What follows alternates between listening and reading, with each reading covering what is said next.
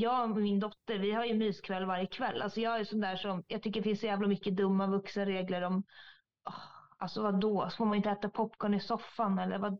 Alltså vi kan absolut göra popcorn på en tisdag och så kan vi somna i soffan med våra tecken för det är så skönt. Oh, och så har jag sådana LED-ljus som man kan somna ifrån så man inte behöver vara rädd för att det ska, huset ska brinna upp. Mm. Och så sätter vi på så juljazzmusik. Ja. Allt ska vara härligt. Ja. Allt. Men, Inge, sura miner, foppatofflor, det är det som är förbjudet i mitt hus. Podcast, woho! Media podcast, woho! Välkomna till Grunden Media podcast med mig Maja. Och med mig Erik. Ja. Valanger och Jensen. Ja. ja. Här sitter vi och är så himla glada för vi har en supergäst idag. Ja. ja. Välkommen hit Maxida Märk. Tack! Hej! Ja. Hej! Hur är läget med dig idag? Det är faktiskt en eh, mycket bra torsdag måste jag säga. Solen är uppe, det är inte slask ute utan det är ganska torr snö. Så jag har varit uppe med tuppen som vanligt, haft min mm. springtur i skogen och mått gott. En mil hörde jag. Ja. Är du morgonpigg? Ja, jag är extremt morgonpigg. Jag, vak jag brukar alltså vakna av mig själv vid femsnåret. Oj, och jag är sådär, jag, är ganska, jag tror att jag brukar säga så här, jag borde vara magisk att leva med för att jag är aldrig sur. Nej. jag är alltid, du vet, och det var så kul, ja. när du sa att du gillar kaffe. Ja. Så tänkte jag, det där är, det där är något för mig. Alltså, för det, jag blir alltid så glad när jag vaknar varje morgon för jag vet att jag får dricka kaffe. där har vi det. Ja, jag är glad för att jag öppnar ögonen. Kaffe är livets dryck. Ja, det är ju det. Ja, det. Vet du vad? Jag har till och med skrivit en krönika om hur töntiga jag tycker folk är som skryter om att de inte dricker kaffe. Ja. De kommer bara dö snäppet, snäppet olyckligare.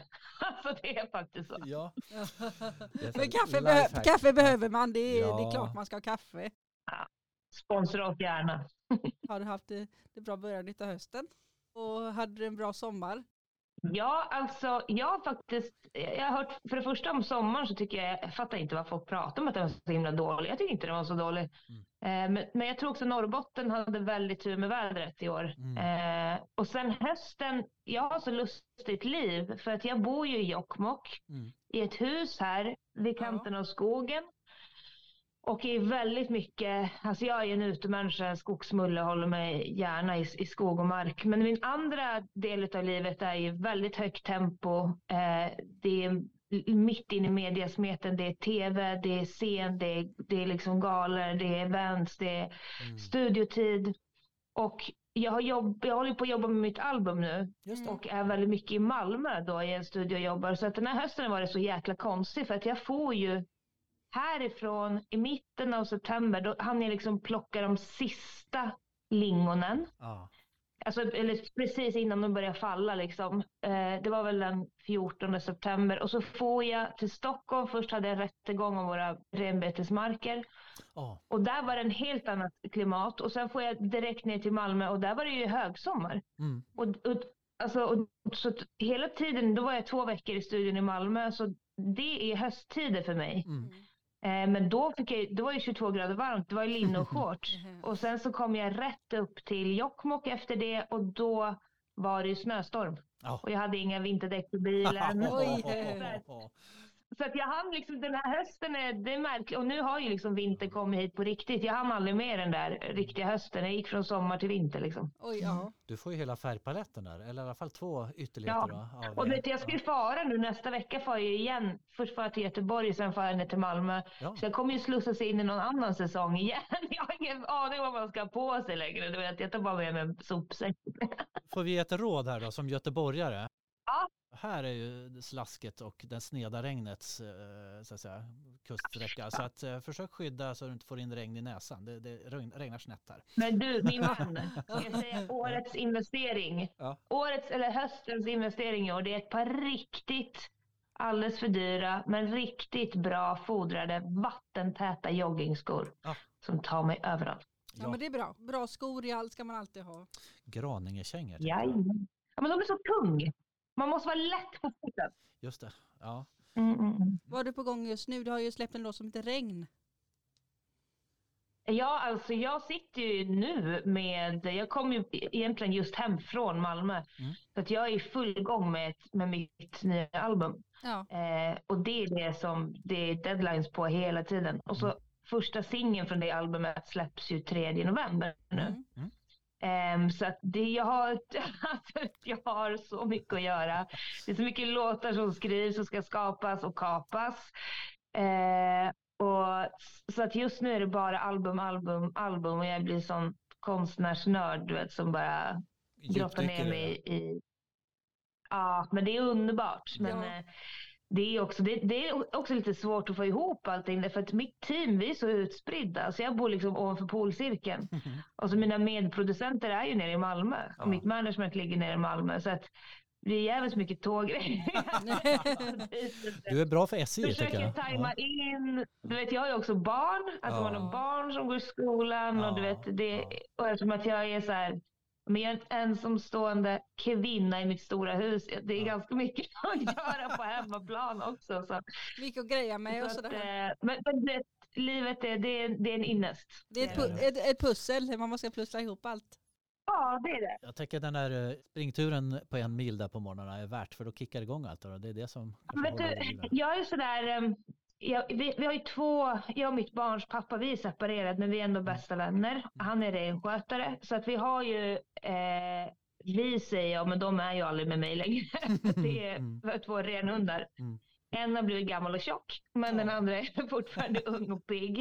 Eh, och Nino heter den där hunden och jag känner så mycket igen mig i Nino och varför han inte är här är ju för att han, det är en arbetshund. Ja. Den där hunden blir liksom totalt olycklig om inte han får vara i rörelse ja. hela tiden. Alltså du vet, vi, du, han far alltså mil om dagen. Mm. Och för ibland om han inte fått fara och, och samla ren, mm.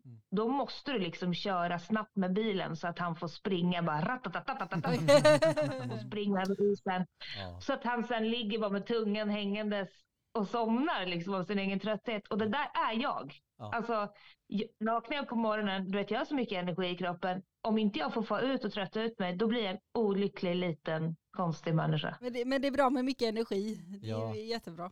Jo, men, men grejen är så här, jag tror ja. att för många är, människor är ju lika olika som växter och djur. Mm. Alltså för många är det dräpande att gå upp fem på morgonen och, och det finns inget värre än att ge sig ut och pulsa i snön klockan halv åtta liksom.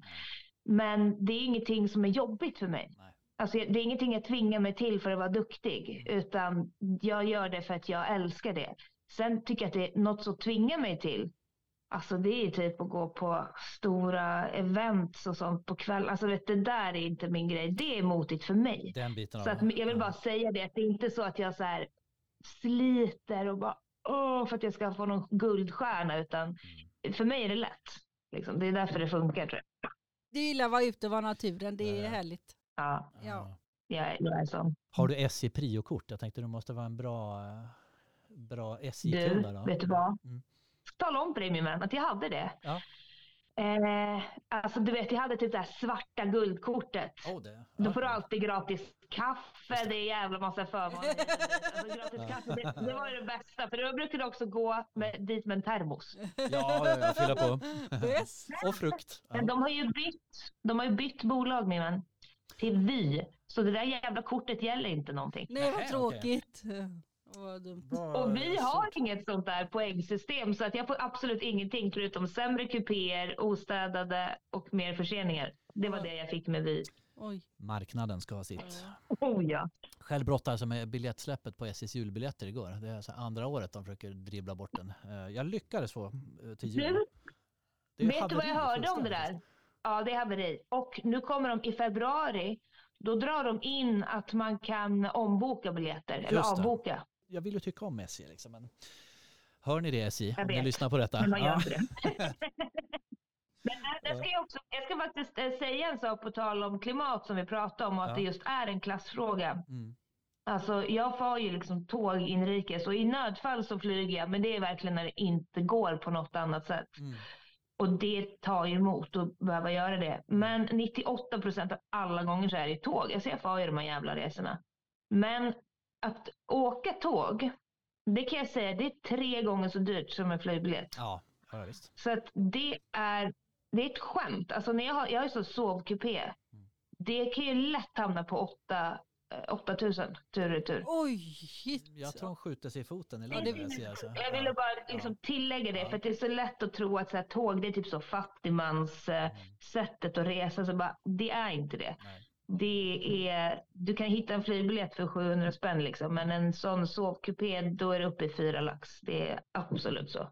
Du märker, vi kan ju spåra hur länge i de här frågorna. Vi, Jag vet, vi kan älskar ha det. tågpodden liksom. Bring it on. Men eh, herregud, regn alltså.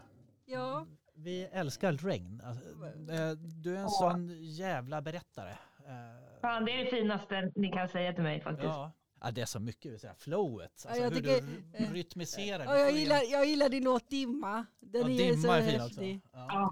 Ja, Jättebra. ja, tack. Som eh, samarbete va? Den är gjord ihop Ja, med, med... med Melissa Hård. Alltså hon är inte med och gjort låten utan det var faktiskt eh, jag, när låten var klar, då hörde jag hennes röst i mitt huvud. Ja. Att jag bara, det är ju Melissa Ja. som, jag känner ju Melissa. Ja. Eh, då var det så självklart att så här, ingen kommer kunna sjunga den här refrängen som Melissa kan. Mm. Hon har den här sprödheten och ett glitter i sin röst som är väldigt svår liksom att, Ja.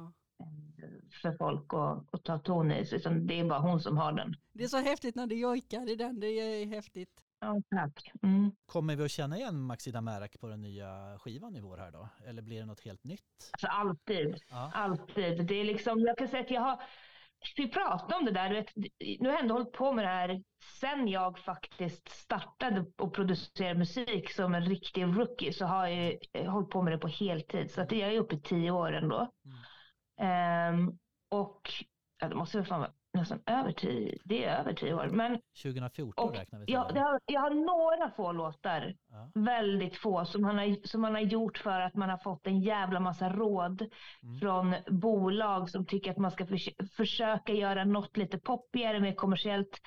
Inte en av de låtarna spelar jag Mm. Nej. någonsin. Nej. Alltså vet, det har känts fel och det är väldigt få, det kanske är så tre stycken. Mm. Men det var direkt är bara så här, vad är det här för skit? Alltså det här är inte det, här är inte det jag håller på med. Jag skulle snarare säga att man hör, alltså jag tycker att, att i det här albumet, det visar också på att jag har hållit på med det här ett väldigt långt tag på, Mm. på heltid. Mm. Att eh, det är bara jag som är maxad. Mm. Helt enkelt. Jag har ju ett visst sound och det, det är också det soundet jag kan jobba med. Jag skulle aldrig, jag skulle aldrig kunna göra någonting annat. Det är också därför man är sådär jag skulle aldrig ta in en spökskrivare. Alltså, ingen skulle kunna skriva mina texter. Eller, vet, det, det funkar inte så. Nej. Ehm, så att det här är väl snarare, hela tiden blir man ju bättre och bättre och bättre. Ehm, och det här är verkligen ett yrke som, alltså det är bara praktiserande som gör att man utvecklas i det här yrket. Jag spelar ju live, Alltså jag, jag har spelat live så mycket att det är, är det någonting jag kan så är det fan att spela live. och skriver texter, jag skriver texter som att jag pratar. Alltså jag mm. sitter ju aldrig och jobbar med en text länge. Mm. Alla mina låtar är skrivna i ett Alltså en låt, jag skriver ju bara och så är det klart. Och det kan ta allt från en halvtimme till en timme. Det är inte längre än så. Ja men på det här albumet, det är bara jag som har blivit också hela tiden bättre skulle jag säga. Så att ni kommer absolut känna igen mig. Det är inte bara ratatatata tycker jag. Alltså det, det är ju ett Det- flow och en timing som är det vill jag- överjordiskt bra. Till skillnad mot oss som pratar Ja. emot varandra. Ja, det, vill jag, det vill jag fortsätta med det här personliga, liksom, eh, Ja. texter inifrån. Ja men du vet, det är ganska, det är ganska kul därför att jag Ja. kan läsa igenom texter till låtar, alltså när låten är klar. Ja. Och då är jag helt så här, vad fan, alltså jag fattar liksom inte hur jag gjort det. Alltså börjar jag tänka på det, då vet jag inte hur jag har fått, fått ihop det ens en gång. Mm. Och det är väldigt häftigt att, det är väl också därför jag kan jobba med det här, att, att jag har det där utan att behöva tänka. Det är aldrig komplicerat. Det kommer liksom Men tittar jag på idéer. det sen så är jag bara, hur fan kom jag på det här? Ja. Det kommer liksom idé, fem idéer. Det bara kom till en. Det är väl det, kommer, underbart. det, det kommer massa idéer, fem idéer i taget. Ja men det är väl lite, alltså, jag skulle säga att det är som eh, när man behärskar olika språk. Ja. Ja. faktiskt. Alltså det är lite det, för jag tror inte heller, alltså, hur många språk man än pratar, de flesta kan i alla fall svenska engelska. Mm. Att det är så här, du tänker ju inte längre på när du pratar engelska. Nej. Utan du har ju, det har ju bara satt sig så mycket att man gör det. Typ. Ja, man och gör det är det. samma med, när jag skriver texter att jag, jag reflekterar inte över att jag använder ett annat, en annan typ av talform om man ska säga, Nej. utan jag bara kopplar på den delen och så är det som att jag uttrycker mig på det språket. Hur ser den skapande processen ut? Är det som att du liksom kopplar på ett eh, flow och så bara flödar det eller sitter du och verkar fram Det är faktiskt-? Nej, det är faktiskt så. Ja. Eh, nej, det, och det där är ganska intressant, alltså för att jag, eh, jag vet inte om det liksom är romantiskt eller oromantiskt, men jag är verkligen så som jag kliver in i en studio, jag har aldrig någonting förberett, Mm. alltså någonsin. Nej.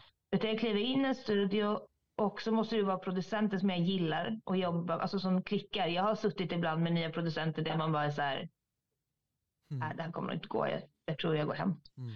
För att jag känner direkt om, funkar det här eller funkar det inte? Jag sitter all, det är det jag menar, jag sitter aldrig och så sliter med en text. Eller vet, alltså jag flyter inte, då är det inte rätt. Nej. Så att jag kommer in och så vill man ju, där och då är det så, jag vet inte vad jag ska skriva om då. Eh, eller ibland kan man ju ha såklart en tanke så, men jag blir lika mycket liksom inspirerad av de, den, det musiken som dyker upp och bitet som jag blir av liksom tankar som jag lägger ut och filtrerat. Så att jag kliver in i en studio och skapar därifrån. Mm. Mm. Jag sitter aldrig vet, ute på, i skogen på någon sten typ med ett anteckningsblock och skriver. Alltså, det, jag gör inte det. Men jag antar att det är där det lagras utan att jag tänker på det. Mm. Men jag är också ganska noga med, tror jag, att jag kopplar bort. Alltså det är ju verkligen mitt yrke nu också. Mm. Eh, och jag kan, in, jag kan inte ta hem det hela tiden. Utan jag är ganska duktig på att koppla bort den processen när jag väl är hemma. Ja, vardag får vara vardag. Vardag får vara vardag. Mm. Ja, men också för att behålla att det är kul. Ja. Alltså att det är, för det börjar ju alltid med att man, man börjar skriva, jag började skriva och prodda för att jag, liksom, det var en viss typ av musik som jag saknade, som inte fanns.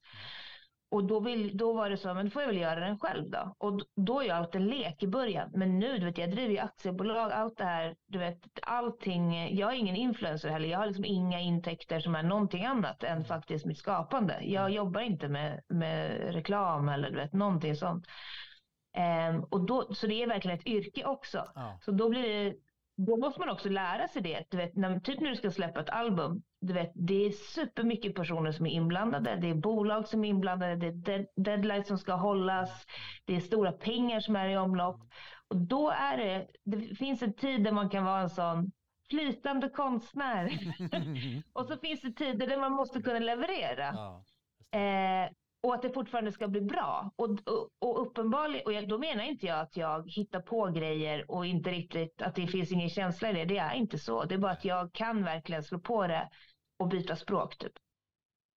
Så är det. Var kommer din styrka ifrån? Inifrån eller eh, är det någon, var får du din inspiration ifrån? Vad, tänk, vad menar du med, med styrka? Styrka inom vad tänkte du? Stark och modig. Alltså något Som mod. person? Ja. Ja. Jo, eh, ja, men jag ska vara helt ärlig. Det, det där är en helt intressant fråga. Liksom. Det är så lätt att svara bara så här, mitt barn. Eh, och så är det ju. Men jag kan säga att jag har liksom under väldigt under väldigt många år så led jag av ångest. Mm. Eh, till och från och har också så här, verkligen battlat med panikångest i perioder. Mm. Som säkert är grundat i olika typer av trauman hit och dit. Du vet. Men, men också i- ångest är ju så jävlig att den kommer ju ibland ut att man, man sätter inte fingret på ens vad det är varför den Ja. dyker upp där. Ja, ångest är jättejobbigt. Sen, Mm. och sen är, jag är född med något slags så rättvisepatos för att jag vet att jag var, alltså sen jag gick, liksom gick på dagis och förskola och allt sånt där så har jag varit, Mm. alltså jag var skolans skräck på många sätt. Inte för att jag var en bråkstake men så jag tålde inte orättvisa, jag tålde inte mobbing. Mm. Det rev i min kropp alltså så att jag har varit i så mycket slagsmål alltså när jag växte upp. Och suttit hos så många lärare och du vet jag har samlat in listor. Jag, vet, jag var så från att jag var liksom litet, litet barn. Mm. Ehm, och mycket är nog grundat i, alltså jag har försökt lista ut det där själv, men mitt samvete är nästan utanpå kroppen. Alltså det är, och med, det var det jag skulle koppla tillbaka till det här med ångesten, att jag kan inte leva med ångestkänslor. Alltså det är för smärtsamt för mig. Och en stor del av att bli fri sånt är att göra rätt för sig. Mm. Um, Att- att det är riktigt värt allt att gå i, in i livet och ha ryggen fri. Mm. Det, är, det tar bort, för det första tar det bort väldigt många hjärnspöken, men det skapar också hopp. Därför att jag, och jag menar allvar när jag säger att alltså, jag rubbar inte på mina principer. Alltså aldrig. Du kommer aldrig kunna köpa mig. Jag skulle aldrig någonsin titta åt ett annat håll om jag såg att någonting orättvist hände. Och det är både för att jag eh, måste ha den känslan i min kropp att jag gör rätt för mig, för det gör för ont annars. Ja. Och känslan av att om jag kan leva så, då betyder det att andra människor, det måste finnas andra som också lever så och då betyder det att godhet är större än ondska. Mm. Att det faktiskt finns sådana människor, nu menar inte jag att jag, jag försöker inte måla ut mig själv som ett jävla helgon, men jag måste tro på att det finns människor som inte går att köpa, som inte viker och inte vänder kappan efter vinden. Och om jag inte kan bevisa det själv, då kan jag inte tro på det. Alltså jag måste vara min försökskanin alltid när det gäller sånt. Och då blir det väldigt enkelt. Alltså det blir väldigt, väldigt lätt för mig. För att och ha, och veta vad ångest är, alltså om man vet när ångesten kan äta upp en, alltså den känslan, eh, du vet, du skulle aldrig, du ska aldrig någonsin ta emot ens fyra miljoner spänn liksom i fickan för, för att leva med den. Alltså, man gör det inte.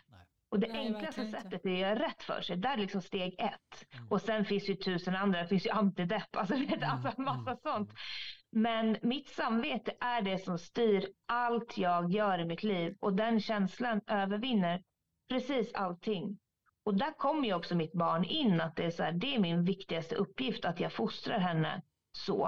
Mm. Barn ser allt. Ja. Alltså om jag säger en sak men agerar på någonting annat, hon vet det. Mm. Alltså hon ser det på en gång och då sätter jag på något sätt ändå spår om att det är okej att vara ett svin ibland. Mm. Eh, och, och det enda hopp vi kan ha i den här världen som är så jävla mörk är ju att det kommer ske ett generationsskifte. Alltså att, vi, att den, de som är barn nu faktiskt växer upp och gör lite klokare val och är lite snällare. Ja, de är ju Och Jag brukar framtiden. så skoja om, jag brukar skämta lite om att ha som så här, avsändar-emoji en trollkarl säger folk. Jag brukar Ja. alltid sätta en trollkarl när jag har skrivit något. Men det är, i mitt, mina ögon är det min Gandalf. Mm.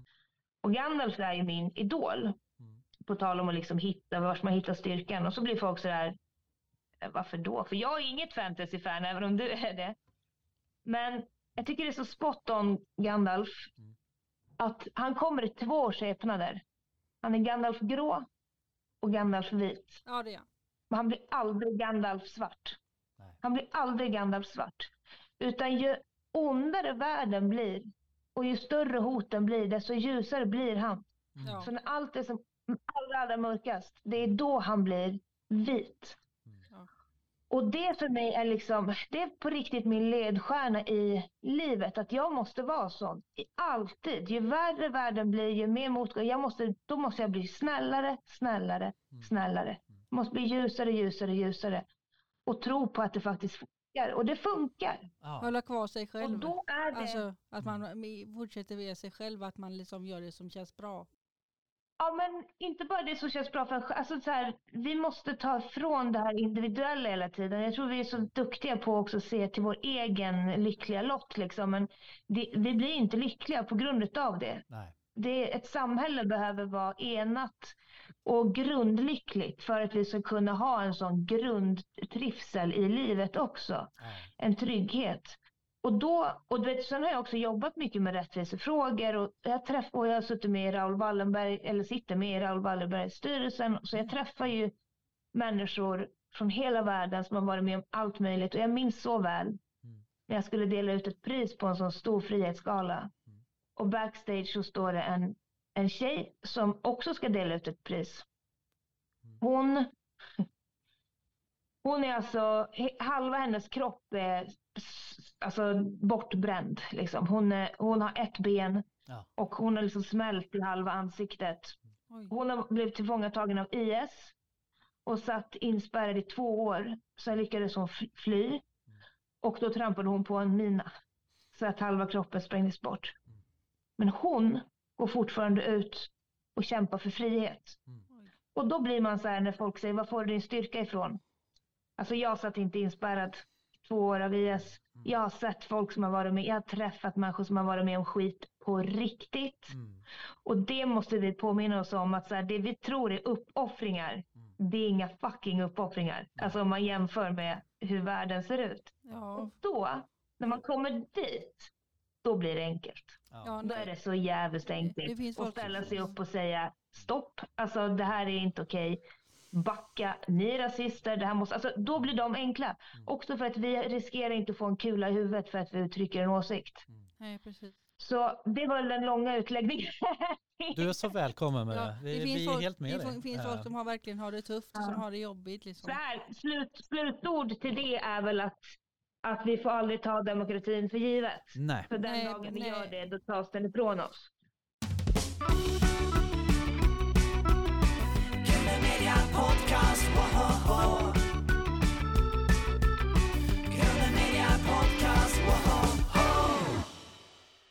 Vad skulle du vilja säga till Ulf Kristersson? Jag, jag tycker han kan åtminstone bekänna färg. Han får väl gärna, han kan väl åtminstone stå för att han också är sverigedemokrat. Eh, istället för att svärta ner ett parti som absolut är borgerligt, men åtminstone haft någon slags pondus i dåtiden. Och det enda han har gjort nu det är ju att dra riktig skam tycker jag utav vad Moderaterna var. Jag är absolut inte moderat, men jag kan säga att jag jag är ändå så pass gammal att jag var med när Reinfeldt var liksom en av dem som står i fronten mot Sverigedemokraterna. Ja, Eh, jag, jag tycker att det hade varit mycket intressant att höra vad han egentligen tycker om Ulf Kristersson. Jag, jag tycker han är hal som en orm och eh, ganska farlig faktiskt. Det är också intressant att se att det, de som ökar mest nu är Miljöpartiet och Sverigedemokraterna. Mm. Alltså det tyder på så stor polarisering i samhället. Alltså ja. det är ganska skrämmande faktiskt att förstå vilka krafter det är som nu jobbar mot varandra. vill du berätta om din låt Järnrör? Järnrör är en av mina favoritlåtar faktiskt. Och det är så... Den är ju verkligen skriven direkt till, ja, men till Sverigedemokraterna. Och eh, när det faktiskt hände att de var ute och svingade med. Alltså vilket låter... Jag skrattar för att det låter som ett skämt. Alltså jag tittade på nyheterna senast i morse och man är bara så här, nej det var på radio jag lyssnade. Och när man bara hör vad Björn Söder säger till höger och vänster Mm. Så skrattar man nästan till slut för att jag, jag fattar inte att det, vad är det för låtsasland? Och det är inte ett dugg kul men det är väldigt jävla skruvat. Och Järnrör var en sån där låt som man tänker är en väldigt eh, det är en låt som nästan är skriven i affekt och som man tänker det kommer trenda då. Ja. Eh, men den är ju liksom konstant aktuell och jag kan inte se framför mig att jag plockar bort den från min låtlista. Utan den blir mer och mer aktuell. Jag tror jag skrev den 2005, 2016. Nej, 2016 måste det ha varit efter flyktingkatastrofen. Eller den släpptes väl då. Ehm, och, för att, och, och, och nu är det så viktigt på ett annat sätt. För att nu är det ju sådär. Det finns ju en stor generation som säkert inte har hängt med i järnrörsskandalen. Men det är sånt där som man måste typ påminna folk om. Att Ja. bara glöm inte bort vad de här är sprungna ur. Alltså titta inte åt andra hållet. Varför ska vissa komma undan med allt? Mm. Men några kommer inte undan med något. Alltså du vet, det blir, en, det blir ramaskri om Nooshi typ röker en vape utanför riksdagshuset. Mm. Då är det så eld och lågor, då, då ska man typ avsätta, det, är, det är dumheter. Men här är liksom fullblodsnazister och rasister som bara tar på sig kostym och smider planer om hur man helt enkelt bara ska få ut så många eh, utsatta människor som möjligt ur samhället. Mm. Eller slå dem i järnrör. Eh, så den låten är superviktig för mig att ha med och jag brukar ofta starta mina konsertprogram med den för att den säger allt.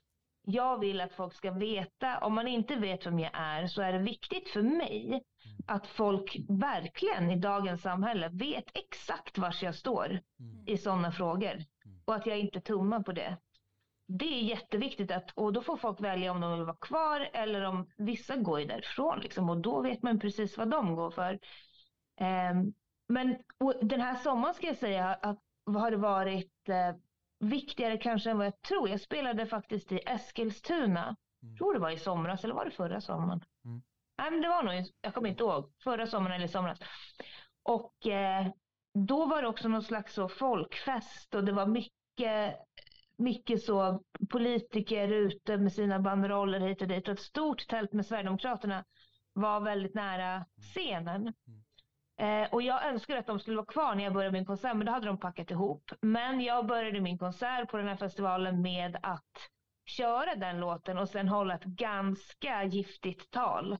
Vad hände sen då? Ja, och sen var det efter konserten var det en farbror som kom fram till mig och tackade så, alltså han var typ 80 år, tackade så mycket för att jag hade gjort det där. Därför att han som var festivalarrangör, som hade varit supertrevlig med mig innan, eh, han var tydligen, nu höll på och han, han var kristdemokrat, men höll på att jobba jättehårt med att Kristdemokraterna och Sverigedemokraterna skulle gå ihop Mm. Och liksom var, bli överhuvudet då i Eskilstuna. Att det var verkligen så SD-klimat där då. Mm. Och det var så viktigt för folk i publiken att få höra den låten Ja. och få höra det talet. För där på den där stora festivalen så var liksom chefen över festivalen uttryckligen absolut sverigedemokrat. Ja. Eh, och så då fattar man hur faktiskt viktigt det är. Eh, och han var, det är därför han, jag fattade först inte varför han inte hälsade på mig sen. Att han bara undvek mig. Men det gick ju upp för mig sen. Men då blir det ännu mer så här, fan vad det där är effektivt. Mm. Mycket mer effektivt än att bara stå och peka finger. Mm. Eh, så ja, det var lilla historien om järnrör. Vad, vad tänkte du när Björn Söder sa att, eh, att eh, samer inte är svenskar? Då tänkte jag, tänkte jag det är sant din dumfan. Eh. Alltså grejen är, jag vet inte riktigt vad man ska tänka när den där människan uttalar sig. För att det är liksom, på riktigt är det, om, om jag ska vara helt ärlig, jag skulle kunna sitta och säga att han är en idiot och bara, jag ska vara helt ärlig så tror jag att det är något uppriktigt fel i hans huvud. Alltså det här är en person som inte har någon koll på vad politik är. Mm. Ehm, och det ska jag säga, det partiet är ju också väldigt duktiga på att ibland uttrycka starkt att vi inte är svenskar och att vi liksom inte har något att göra. Och å andra sidan så säger de att vi absolut är det. Vi ska inte ha några rättigheter överhuvudtaget. Alltså vi är ju bara svenska medborgare, så vad då? Varför ska vi få arenor och inte dem? Alltså de, partiet i sig vill ju öppna upp alla samebyar Mm. till exempel och bara göra det fritt fram för alla och komma och jaga, fiska och ha arenor till höger och vänster. Alltså de har, de har ju, vilket gör att det är svårt för mig att ta det på allvar. Därför att Mm. det tyder bara på väldigt stor okunskap om att man har faktiskt ingen aning om vad man pratar om. Mm. Så att Björn Söder säger något överhuvudtaget. ehm, det hade varit mer skrämmande om till exempel Ulf Kristersson hade sagt det. Därför att det känns ändå som, jag tycker att han är läskig och farlig på det sättet att han verkar ha något innanför pannbenet. Mm. Och har, det känns som att han smider planer. Och har en, jag tror att han har ett mål som han siktar mot och, och ganska effektiva vägar att ta sig dit med att verkligen så tvätta sig ren och låta Sverigedemokraterna gå i fronten. Björn Söder skjuter sig i foten hela tiden. Mm. Så vad han säger har liksom svårt att ta på allvar för att det är som att en apa står och pratar bara rakt ut i luften. Så, men sen tyvärr är det många som lyssnar på apor också. Men, eh, men jag, jag, eh, han är ganska lätt att knäcka hål på. Hur kom låten Dimma till? Och i videon det kommer det säga att du har blod i munnen och du gråter med den här, en bit från en ren eller vad är det? Och varför Mm. du har blod i munnen? Alltså dimma, dimma skrev jag faktiskt några år in, innan den släpptes. Det var som att det typ inte Ja. var dags för den att släppas. Eh, och den är ju, alltså nu ska jag försöka snabbsammanfatta det här, men ungefär i 13 år så har ju min sameby och en annan sameby här i Jokkmokk kämpat mot ett gruvbolag, ett brittiskt gruvbolag som vill bygga gruva på våra renbetesmarker. Oj, Och det har ju verkligen delat Jokkmokk i två delar. Och det har varit väldigt alltså, hårt klimat. Och det var också det jag var på rättegång om här för en månad sedan mot regeringen. Ja. ja. Hur gick det då? Eh, det vet vi inte ännu, utan det kan komma vilken dag som helst. Mm. Eh, men det är, liksom, det är en jättelång historia så jag ska försöka att inte så grotta ner mig i den. Nej. Men jag har ju varit i fronten för den här gruvkampen sedan dag ett. Mm. Eh, och blev också, har blivit väldigt, väldigt trakasserad. Alltså både psykiskt och fysiskt trakasserad på grund av mina politiska aktioner och min politiska ställningstagande. Eh, av ofta fullvuxna män. Oj vad jobbigt. Ehm, och jag startade en aktivistgrupp kan man väl säga nästan som heter Chappis Raido, Svarta Raiden. Som eh, gjorde politiska aktioner där den första var att vi gjorde en, vi sydde koltar i svarta sopsäckar Mm. och gick en ride genom Jokkmokks vintermarknad med renar som drog kol och skelett och kranier. För att visa på att vi kommer på riktigt dö, dö Mm. ut och få ha ingenting kvar om den här gruvan kommer. Det är ju liksom förgrundshistorien till Dimma. Och då, jag vet att 2014 var ett sånt år där det var, alltså det var krig här uppe. Och jag- Det är svårt att förklara för folk som inte fattar hur det kan se ut i glesbygd när inte lagen tittar på. Jaha. Vad folk faktiskt är benägna att göra med varandra när ingen ser Ja. och mot varandra. Ja. Att det, det kan ta sig fruktansvärda uttryck. Och tystnadskulturen är stark. Så 2014 måla vita streck under ögonen för att Ja vår själ det. blev till en boss. Ja, det. Det gjorde vi. Jag gjorde det alltid. Jag hade de där två vita strecken under ögonen. Mm. Och i musikvideon då illustrerade jag, för jag, det där var ju mina härkar då som var med i videon. Jag tämjer ju redan på vintern. Eh, men jag illustrerade liksom exakt så som det faktiskt såg ut 2014. Eh, där vi sydde de här svarta sopsäckarna. Men också att det är en, en, en illusion av en framtid som kan bli. Att jag ville visa på det här spök, spökliga som kommer ske sen när allt en dag är borta. När man bara liksom spränger varenda fjäll Mm. och det inte finns någonting kvar. Och det du frågar om med renskallen är ju det. Det händer ju fortfarande, i, det, eller fortfarande, det händer ju redan idag men alltså det här är ju områden våra renar är på. Mm. Och de dör Mm. och kommer att eh, behöva tvångslaktas och dö om den här gruvan kommer. Förfärligt. Så det, det där är ju skräcken.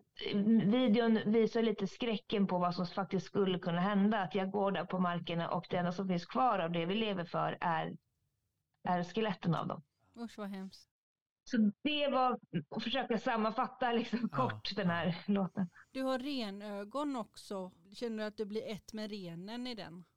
Det är som det är sån där Ja, Jag har renögon. svarta linser. Ah. Jaha, ja, ja. Ja, svarta eller röda var de. Det var, det var fruktansvärt. Ja. ja. Nej, men så här, men jag svarar lite på, även om vad jag tror att du menar, så för oss är ju renen är allt. ja. Och där är igen så, jag kommer från en, vi lever i en renskötarfamilj och är uppvuxen med renar sida vid sida. På tal om det här att vi är så, den här individen. Mm. Alltså jag kommer från en kultur där individen betyder egentligen ingenting. Eh, du klarar inte själv, någonsin. Vi är ett kretslopp som är, alltså vi är alla länkade och beroende utav varandra. Mm. Vi är totalt beroende utav renen. Renen är totalt beroende utav väder och vind. Mm. Vilket gör att vi också blir beroende utav väder och vind. Och renen är beroende utav att vara i en flock. Mm. Att hålla sig till flocken, vilket gör att vi måste också vara beroende av andra människor för att hjälpa till med flocken. Ja. Vi måste skydda renen från rovdjur. Sen måste vi själv äta renen, slakta renen och ge tillbaka. Alltså du vet, vi är alla från början länkade till varandra och det är fortfarande det vårt samhälle har som grund som gör att vi klarar oss. Sen finns de här ytliga punkterna nu i städerna när man tror att man inte är beroende av någon. Men ta bort en pusselbit och faller hela slottet. Mm. Alltså det ser man ju bara när man har hört ibland att, alltså, vilket jag inte märker för jag är inte så aktiv på sociala medier, men om Instagram har legat nere i två och en halv timme. Mm. Det står ju liksom löpsedlar om det. Hur Ja. företag typ går i konkurs för att de inte kunde ha reklam i två timmar. Och för att influencers inte kunde göra poster som skulle täcka dem och de, alltså att de intäkterna. Alltså det är ju ett system som är uppbyggt på så sköra trådar. Ett korthus alltså. Alltså Ja, människan är så dum Ja. i huvudet. Ja, det, ja, det, Ja. ja, det är löjligt. Och Det, så tror att vi då är, är vi, kan, vi behöver bara se till oss själva. Mm. Det är inte så. Nej. nej. Aldrig någonsin. Mm. Och det, med det sagt med om vi är ett med renen, det är vi. Och det är också därför det här med gruvproblemet blir så. Om de tar renen ifrån oss. Och nu ska jag vara bokstavligt talat. Man kommer se en självmordsvåg här uppe som heter duga. För då finns det ingenting kvar att leva för. För själva är vi ingenting. då finns det ingenting som är värt att ha ett värdigt liv för. Så ta renen, då har du redan tagit oss, så är det. Mm. Alltså jag tänker det, det är inte första gången som samerna har fått kämpat mot svenska staten. Alltså det har varit ett, e- en evighetskamp.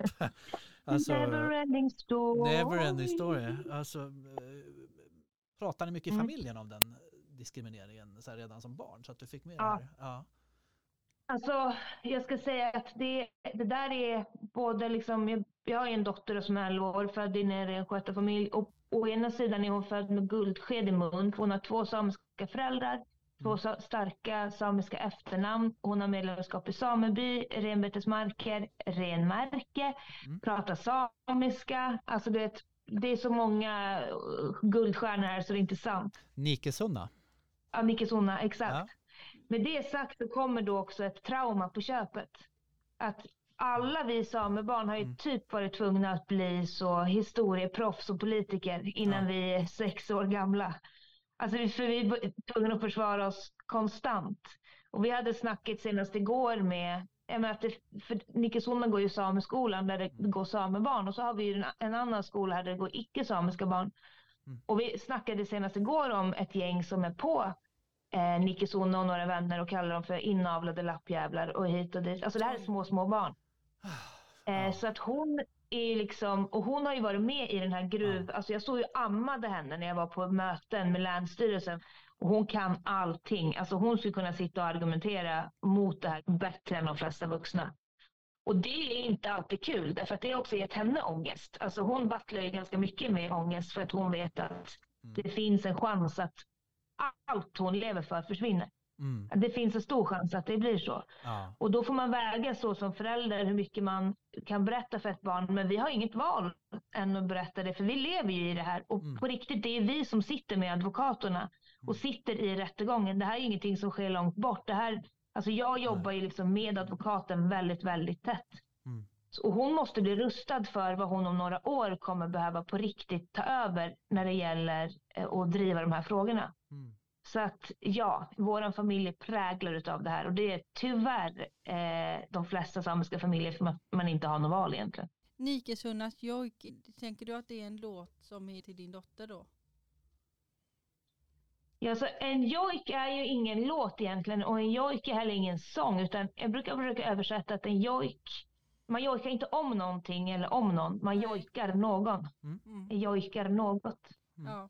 Och det, är något som, det däremot är en sån grej. Jag kan inte gå in i en studio och göra en jojk. Mm. Alltså det finns inte på kartan. Du vet, ibland så kommer det kan ta år innan det, det händer någonting på någon platta liksom med en jojk. För att det är något som kommer så här Mm. när du är ofta för dig själv och att det, det är en situation som uppstår som du har så mycket känsla i kroppen som inte du kan sätta ord på. Ja. Och då kommer jojken. Jag har varit tvungen ibland att så spela in i all hets för jag vet att jag kommer glömma bort den här när jag hamnar i en annan känsla sen. Ja. Och Nicky Sonnas jojk, det var ju precis min känsla jag fick när hon föddes. Ja. För jag var så total knockad av att jag kunde älska någon så mycket. Vad fint. Så Nicky Sonnas jojk är ju bara ljus. finns noll ondska i det. Och en, Mm. och en personjojk är ju också, den jojken ska ju spegla personlighetsdrag på något sätt Ja. hos en människa. Mm. Och när man har det där lilla nyfödda barnet, det finns liksom inget ont i dem. Nej. Det är ju bara ljust. Ja. Men sen har ju den där jojken också, när jag kör den live, den låter ju annorlunda idag. Men det är också för att Nicky Sonna har växt. Den kan inte låta likadant. Nej. Den utvecklas. Sonna Ja. utvecklas och blir äldre. Ja. Och då blir faktiskt jojken också det. Och det är ganska häftigt. Ja, ja visst. Häftigt. Eh, Samerötter då, vad heter det, gillar du Jon Henrik Fällgren? Alltså vet du vad, det där är så jävla kul. Ja. Det är så jäkla kul att han liksom... Mm. Han, alltså hur fan, alltså, no, nämn någon gång där någon inte har frågat något om Jon Henrik Fjällgren. Det har hänt förr. Så här. Sápmi är väldigt litet. Ja. Sápmi är väldigt litet. Man känner i princip alla faktiskt. Ja. Eh, så att jag känner Jon Henrik. Jaha, är känner han? Men, ja, men så är det. För att vi, Ja. grejen är att samer är också extremt duktiga på att dra igång stora arrangemang och fester. Så att man kommer från Sverige, Norge, Finland, Mm. Ryssland och träffas. Så att Ja. alla vet vilka alla är. Så att jag, är absolut, jag känner absolut Jon Henrik. Sen så är vi extremt olika som personer. Det är ingen jag hänger med. Nej, jag förstår. och sen så har inte vi egentligen någonting gemensamt. Nej. Förutom att vi båda är samer. Ja. Liksom, sen tog det Ja. slut där. ja. Han gör en helt annan typ av, eh, av musik och jobbar på ett mycket mer kommersiellt plan än vad jag, än vad jag gör. Då förstår jag. Men han är väl jättebra. Ja. Alltså han är trevlig. Sápmi då, det är ju så att säga sameriket så att säga, men det sträcker sig väl ända ner till Dalarna väl egentligen? Va? Ja, en, exakt. Jag tror att syd, eh, sydligaste samebyn är väl Idre tror jag. Mm. Om jag inte missminner mig. Men det är långt, ganska långt ner. Mm. Hur gör vi för att inte förlora det här hoppet i den här, vi lever ju i en ganska svart tid känns det som på många sätt. Jag vet. Det, alltså det, det är ju på riktigt så, det är så fruktansvärt mörkt nu på så många sätt. Så att Mm. man, det, det är ganska svårt.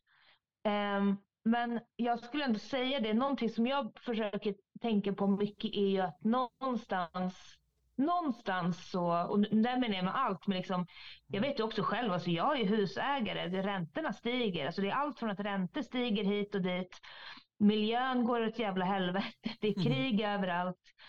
Och någonstans så måste man se, alltså jag brukar tänka så här, om, om allt det här sjuka kan hända i den riktningen, då måste det gå åt andra hållet också. Det Pendeln. måste kunna liksom, ja det måste kunna snurra och, och bli också otroligt. Alltså vi, vi måste kunna faktiskt, någon gång kommer vi se att bara, hur händer det här otroliga? Men det kommer det ju bara göra om man faktiskt tyvärr accepterar, för jag tror att det jättemycket ligger i acceptans. Ja.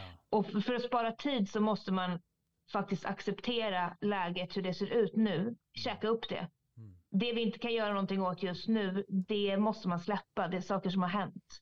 Det vi kan göra någonting åt, det måste vi konstant göra någonting åt. Och det jag försöker luta mig mot är Mm. att jag, jag har liksom ställt in mig på att det kommer vara några år som är riktigt pissiga faktiskt. Eh, Och bara och inte, det, det är ganska krasst att säga så, men med det sagt så menar jag att det kommer komma en dag som kommer kännas otrolig Mm. när saker börjar ljusna igen. Den känslan kommer vara magisk. Ja, men grejen är så här, hat, föd, hat föder hat. Mm. Eh, och skräckpropaganda, det är någonting som det funkar. Mm. Och det, världen är mörk nu, men vi måste också liksom så här, vi måste mata våra psyken med ljus också. ja, För ja, annars så lurar också våra hjärnor oss att det inte finns något hopp. Mm. Så till exempel för mig så kan jag säga att jag är liksom så jävla lyckligt lottad faktiskt som har under några år byggt upp mitt liv. Alltså jag insåg ganska tidigt, speciellt efter jag fyllde 30, typ hur jag vill leva för att vara vardagslycklig. Mm. Och en sak var ju så, ta sig från stan. Jag hatar stan. Mm. Jag kan inte bo där. Så att min vardag, den måste vara så lätt och ljus som möjligt. Mm. För att sen kommer mycket runt omkring vara tungt. Men då är det allt från så här små saker till att inte aktivt söka upp. Kanske man kanske inte ska sitta och lyssna på krimpoddar.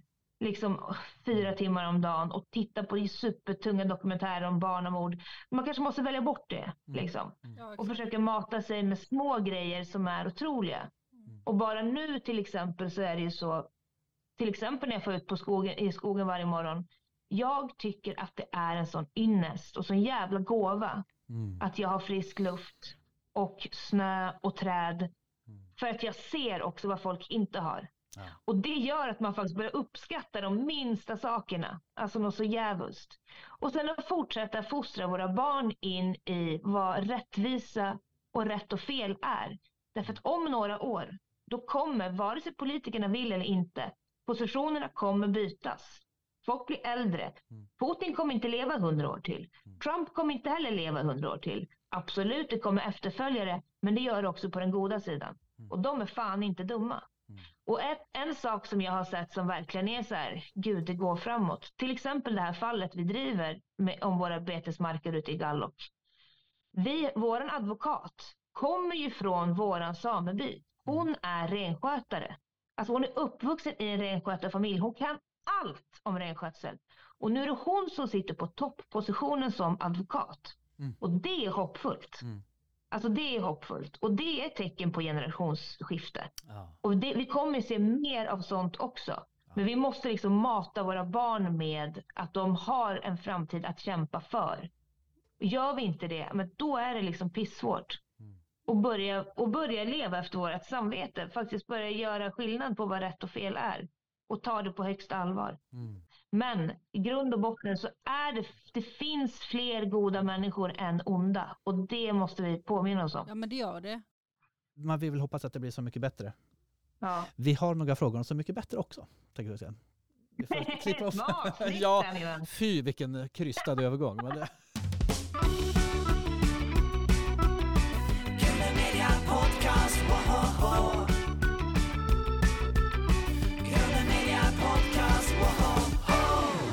tycker du att det var att vara med Så mycket bättre och hur- jag tycker att din, din, din version av Eloise var väldigt bra. Fan, jag tänkte, det är ju länge sedan det där nu. Jag tror Ja. det är tre år sedan typ, eller? något Ja, sånt? Det är länge sedan. Men, Mm. nej, men grejen är, Så mycket bättre är... ehm, jag fattar liksom att folk sitter nästan och de, Jag vet ju att många människor som ser programmet kan göra lite narr av oss som sitter och grinar hela tiden. Men det är ju så att alltså, det är en helt unik upplevelse att som vuxen människa Mm. Dras ur sitt sammanhang på något sätt, placeras in i, i ett ställe, ganska isolerat, eller ganska, du är väldigt isolerad, du är ju bara på den där gården typ, förutom när du Mm. gör så äventyr. Mm. Med ett gäng andra vuxna människor som inte känner varandra. Mm. Eh, där alla har en gemensam nämnare och det är kärleken till musiken. Mm. Men sen är det liksom, de börjar filma dig från sex på morgonen till ibland var det så tre på natten. Och under den här dagen alltså ska du hinna göra flera olika äventyr. Du ska göra massa synkar och du sitter på lunch och middag med alltså sådana jävla musikframträdanden Mm. tillhör med historier på köpet. Eh, och folk blottlägger sig, alltså öppnar upp sig om saker som man kanske inte har pratat om flera år eller aldrig någonsin. Ja. Och du gör det på ganska kort tid. det är väldigt intensivt. Hur är det idag? Alltså, men det är en jätte, jättestark upplevelse. Ja. För det första så är det väldigt, det är ju ovant för en vuxen människa att inte välja själv på något sätt. Alltså jag är 35, då var jag väl 32 eller något sånt där. Eh, Vi rör ju oss nu som vuxna typ i de umgängeskretsar vi väljer. Alltså i de rum och miljöer som vi väljer. Vi är ju väldigt bekväma, alltså vi anpassar oss efter vad vi själv tycker om. Mm. Men det här var ju som att åka på någon slags kollo. Där du får ta direktiv liksom. Eh, och ibland gå igenom känslor som du inte alls har valt att prata om. Mm. Alltså det, du kanske inte alls liksom hade tänkt att du skulle komma in på just det och det ämnet. Och det blir och, av anledningar. Mm. Så att det är ju som en supersnabb och stark terapi Ja. eh, framför kameran. Plus att det var direkt efter corona så att det var, ingen hade ju liksom, alltså det hade ju varit jättelänge med restriktioner hit och dit så vi var ju, vi var ju, fick ju testa oss halv sex på morgonen hela tiden innan vi fick röra oss någonstans. Det var länge sedan någon hade stått på scen. Mm. Alltså det var känslosamt. Eh, och en otrolig upplevelse som jag fattar att man kanske inte kopplar när man ser programmet för att då är det ett program och det är en show liksom. Men, Mm. men det är en, eh, en otroligt, otroligt stark upplevelse. Mm. Att göra det och så once in a lifetime. Bubbla. Eh, som jag tror man faktiskt tar med sig livet ut. Eh, och träffar ju folk som man, man älskar ju många av dem fortfarande och har väldigt bra kontakt med. Vad häftigt, vad roligt. Vad tyckte Kasper om din eh, Mm. version? Kasper! Alltså det finns ingen man som har så tajta byxor som Kasper. Alltså de är också alltid stretchmaterial. Alltså, Påmålade. för att han har så hårda muskler. ja. Jag älskar Kasper. Alltså han är faktiskt en jävla härlig människa på tal om, alltså jag är ju själv sån där, jag är aldrig sur. Eh, och Kasper är fan inte heller sur. Alltså Nej. han är exakt så som man, man vill att han ska vara. Mm.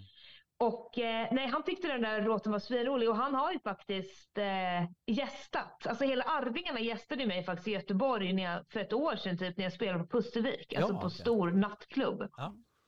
Så kom hela Arvingarna upp och gjorde en sån jävla koreografi liksom till den här låten. Så vi, vi, jag tycker mycket om Kasper. Vad Eh. Jag, jag tycker han är en härlig människa. Mm. När du ska hamna i ditt lugn då, när du ska sova eller när du ska slappna av, vad gillar du att göra då och vad, vad får dig att koppla av? Springer du en mil på kvällen också då? För att... Alltså vet du, jag är ju faktiskt, off, jag är alltså nästan helt eh, oberoende eh, säsong så är jag ute mer än jag är inne mm. faktiskt. Mm. Så att jag, jag, kommer, jag kommer gå ut i ja, det är så vackert. Det är Ja. så vackert. Alltså för Ja. Jag är också en sån där person som, alltså jag uppskattar ju när det går, när saker får, får gå långsamt, när det känns som tiden står lite still. Mm. Och jag som jobbar så mycket med musik lyssnar sällan på det privat. Mm. Eh, jag tycker om att, jag far alltid ut, jag älskar de här klockorna som finns, vet, man har telefonen i klockan. Ja, just det. Eh, för att min dotter kunna få tag i mig. Mm. Men annars tar jag aldrig med mig någonting, jag får bara ut Mm. och eh, är där. Eh, ja, och så frågar folk vad gör du? Ja, men vad gör du själv när du är inne? Alltså, vet, Mm. man går runt, alltså hittar en härlig stig. Bara är. Mm. Ja, så det gör jag när jag ska koppla av. Mm. Sen om det är på kvällen, då är jag, alltså jag och min dotter, vi har ju myskväll varje kväll. Alltså jag är sån där som, jag tycker det finns så jävla mycket dumma vuxenregler om, alltså vad då? får man inte äta popcorn i soffan eller vad? Alltså vi kan absolut göra popcorn på en tisdag och så kan vi somna i soffan med våra tecken för det är så skönt. Härligt. Och så har jag sådana LED-ljus som man kan somna ifrån så man inte behöver vara rädd för att det ska, huset ska brinna upp. Mm. Och så sätter vi på så juljazzmusik. Ja. Allt ska vara härligt. ja. Allt. Men, vad- Inget, sura miner, foppatofflor, det är det som är förbjudet i mitt hus. Mm. men, vad, vad, men vad vill du göra om 20 år? Vad jag gör om 20 år? Ja. Eh, vet du, det, det finns två svar på den här frågan.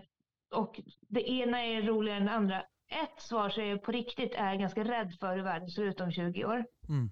Ehm, så att om, men, så att går jag in för mycket i det då, eh, ja men jag, jag, jag tycker det är ganska obehagligt. Men jag är som sagt hoppfull ändå. Som 20 år, då är jag 55. Oh, vet du vad? Alltså jag tror fan att jag, kommer vara min prime time. Jag är ju så jävligt eh, tacksam för hur jag får leva mitt liv nu.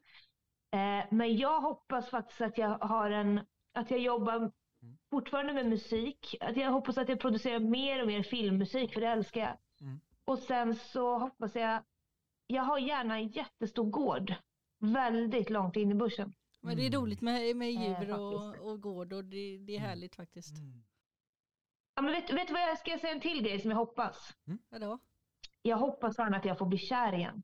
Ja. För jag har inte varit kär sedan jag var kanske ja, men 19-20. Och jag drömde för några nätter sedan att jag var kär i en person. Mm. Och det var helt jävla omskakande för jag, jag var kär på riktigt i drömmen. Och vaknade upp ja.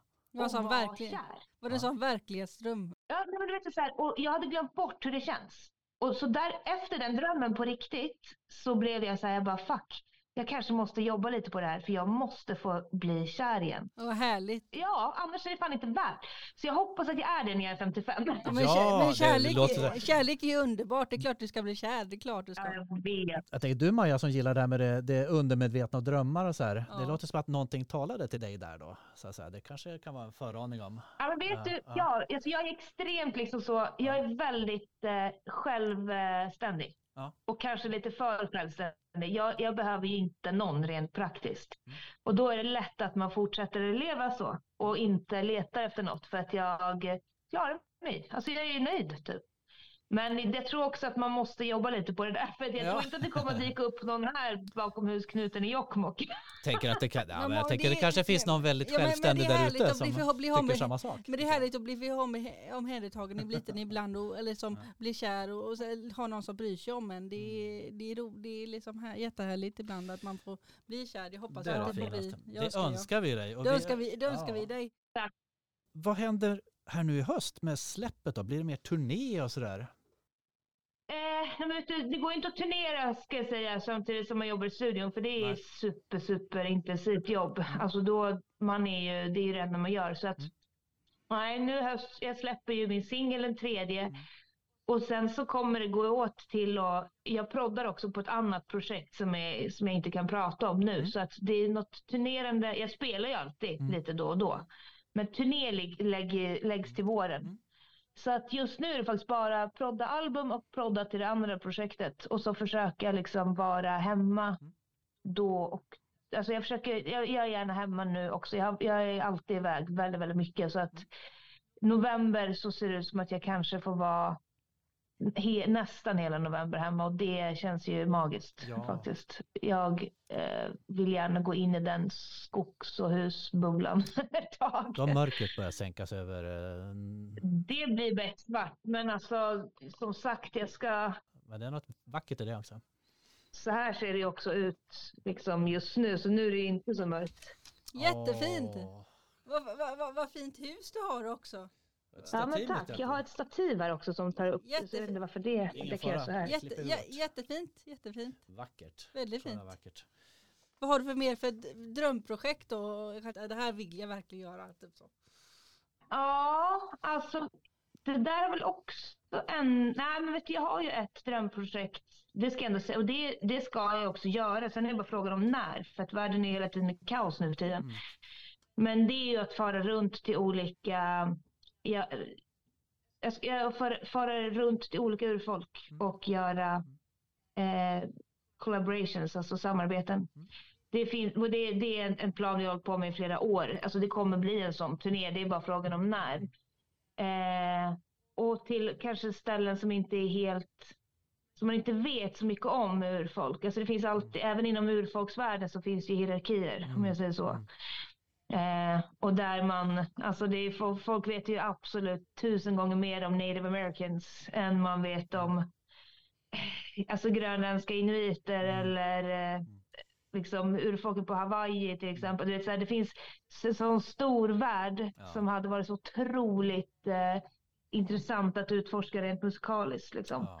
Men sen, alltså det är det som är så härligt också. Jag har så många, om man tänker inom yrkeslivet, Mm. så har jag så många så drömprojekt som jag faktiskt gör hela tiden. Mm. Mm. Och ibland, jag har ju liksom ingen sån, alltså vet, det finns ju också någonting med att finna lycka. Mm. Och ibland så måste man också veta när man faktiskt börjar känna att man är ganska lycklig och, och inte behöver jaga efter så mycket mer Nej, exakt. Och kunna liksom leva sitt liv. Alltså jag tror inte att man ska jobba och dräpa sig fram tills man är 70 för att tro att det alltid är grönare på andra sidan. Jag är så jävla tack. Jag såg grina här i morse, alltså på riktigt stå och- och bölade för att jag tittade på nyheterna. Mm. Och min dotter är helt så här, hur kan man göra, hur kan man, va? Alltså hon fattar liksom inte, hur kan man döda barn? Alltså vet, hon förstår inte. Och så står man och du vet, och jag har inga filter. Du vet, så jag står och tittar på det. Det är som att jag känner varenda känsla Ja, ja. i de här föräldrarna som springer med sina barn på ryggen. Och så, så säger jag till Nickisona också så här, det här Nickisona, det här är varför du måste också så här, du måste se alla små saker vi tar för givna och bara se hur jävla otroligt det är att du får leva så här. Ja. Att du kan bara gå till skolan utan att riskera att bli bombad. Att vi har, vi har fortfarande renarna här. Alltså så här, vi har en stor jävla gård, vi har ett hus, men jag har, fick välja kakel, jag har blått. Alltså vet, så här, grejer som man bara... Mm. Så att jag, ibland är det så här, vad är det för drömprojekt? Jo, men det finns tusen roliga grejer jag vill göra. Mm. Men jag är också, alltså det, jag tycker det är så jävla underbart att känna nuet Ja. ibland. Vara närvarande. Att inte så här missa det och, Mm. och, och tänka på det om 40 år. Utan jag kan verkligen känna nu att jag har det bra. Ja. Jag Ja. har det väldigt, väldigt bra. Men eh, sen så finns det ju så här, men det är klart, jag vill göra ett soundtrack till en asfet jävla film som vinner Oscar. Ja. Såklart jag vill det. Ja. Klart du ska. Ja, Ja. klart. Och på de mer lättsammare tonerna liksom. Ja. Så kan vi säga så. Blir det, det blir inga fler tolkningar av Sara Leander då? eh, vem vet? Du har tolkat Willy se en Vem stjärna vet ja, om det blir det? en gång i tiden. Det är också så jävla länge sedan, Ja. men det var jättekul. Ja. Det var faktiskt väldigt roligt att göra Nu det. ska vi ta, göra något som heter fem snabba då. Ja, Fem snabba.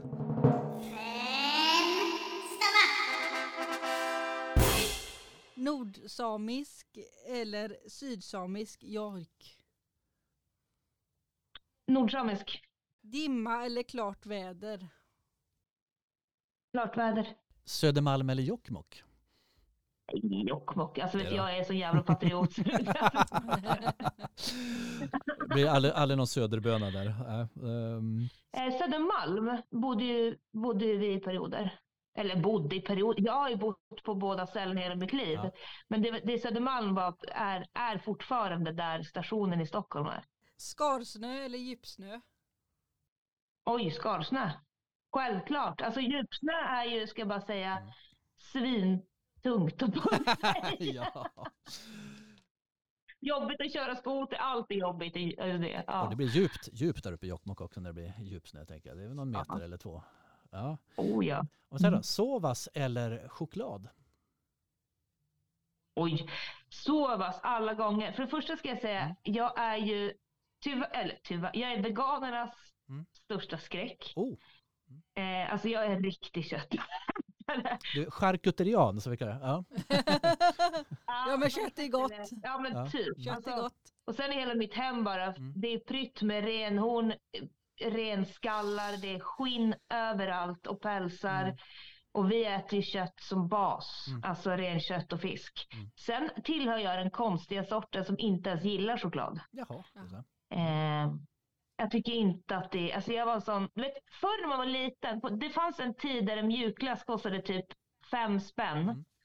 På, på McDonalds, fem eller tio kronor. Och så kunde man välja, om man la till en femma, choklad eller kolasås. Mm, Alltså, kolsås. Vem fan vill ha chokladsås? Just det, det var den. Det var den här, just det, men det minns jag. Det var den här mjukglassen. Så kunde man välja, det drypte chokladsås eller kolasås. Ja, just det. Det är rätt svar också. Ja, säga. Norrsken eller mareld?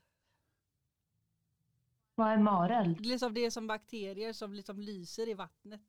Lyser blått i vattnet. Eh, Det var väl en va, världens enklaste fråga. Bakterier i vattnet eller norrsken? Ja. norrsken! Ja. Ja, givetvis. Norrskenet är, Ja. norrskenet är, ska jag säga, varje gång ett riktigt norrsken dyker upp, Ja. då förstår man. Då förstår man att vi vet inte allt. Nej. Att världen är också magisk. Mm. På tal om, vet du vad, jag ska, jag ska, om jag får återgå lite grann till så här, hur känner man hopp, som ni frågade Det får du. Mm. Jag ska säga att jag har ju på riktigt en... Jag är uppvuxen med en adja, alltså en morfar, han har gått bort nu, men det var min bästa vän. Min adja var väldigt, väldigt speciell. Mm.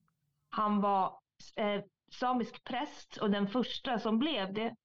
Men, men han var också vad man skulle säga, alltså jag har svårt att översätta det till svenska, men alltså en väldigt speciell man Mm. som besatt andra typer av krafter och styrkor, man ska säga. Och jag är verkligen fostrad in i en kultur där, där vår övertygelse om att det finns andra världar är på riktigt. Alltså att vi, vi, kan, vi vet inte allting och, och jag har varit med om så mycket saker. Vi skulle kunna liksom ha en podd om bara det. Där jag vet att vi, vi vet inte allt. Nej. Att det finns vad vi skulle säga, översätta till västerländska liksom parallella världar. De finns. Mm. De finns. Ja. Och många gånger ska jag säga att, och jag sa inte det innan för det kan ofta bli fel, men för det har inget med new age eller något sånt att göra.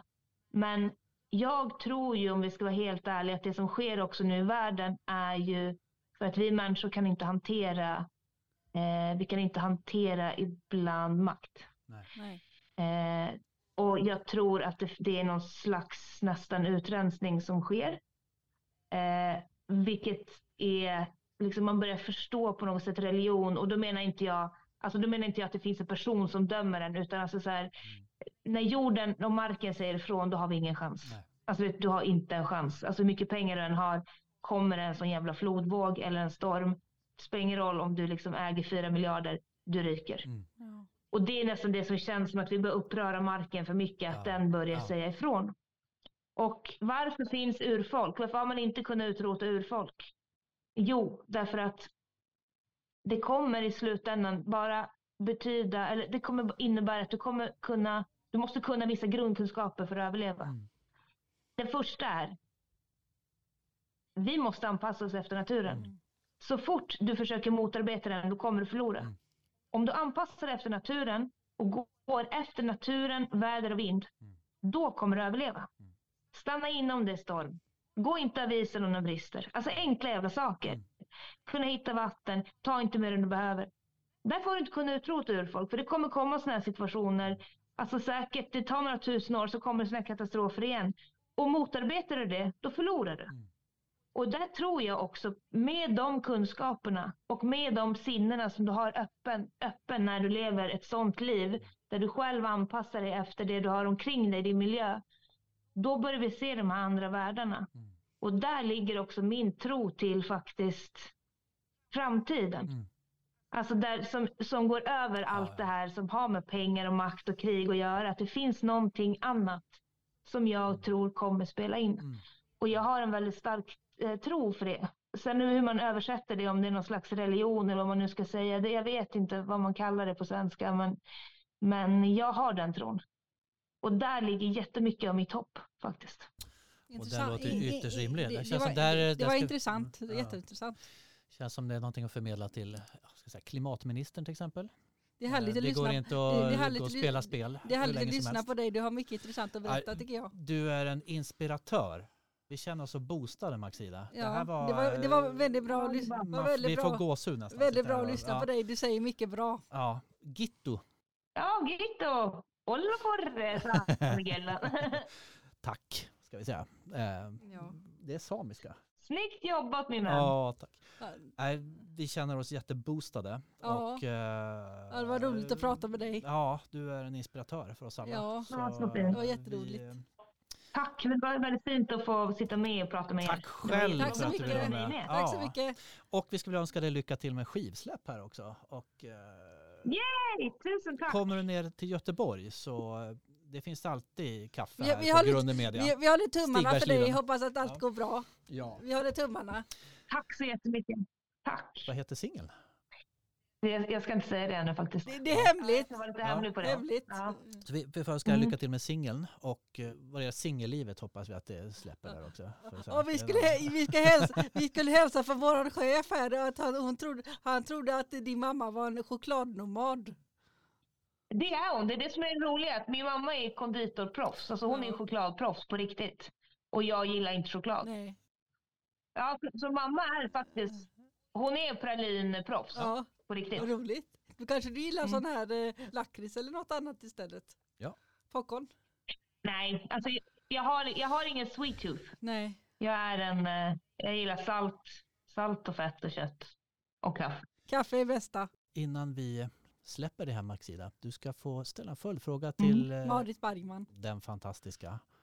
Vad skulle du vilja fråga Ja, Marit? hon är faktiskt fantastisk. Ja. Ja, okej. Gud vad spännande.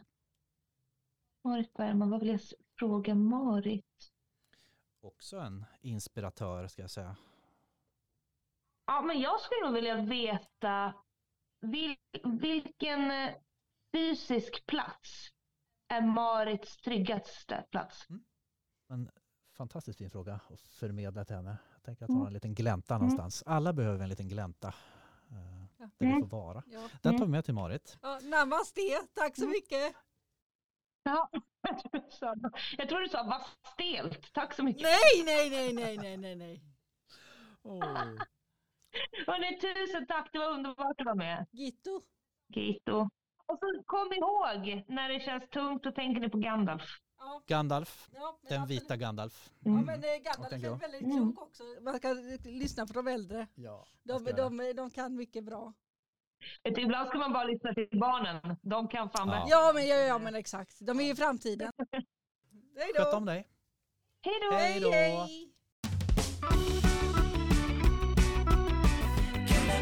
Podcast!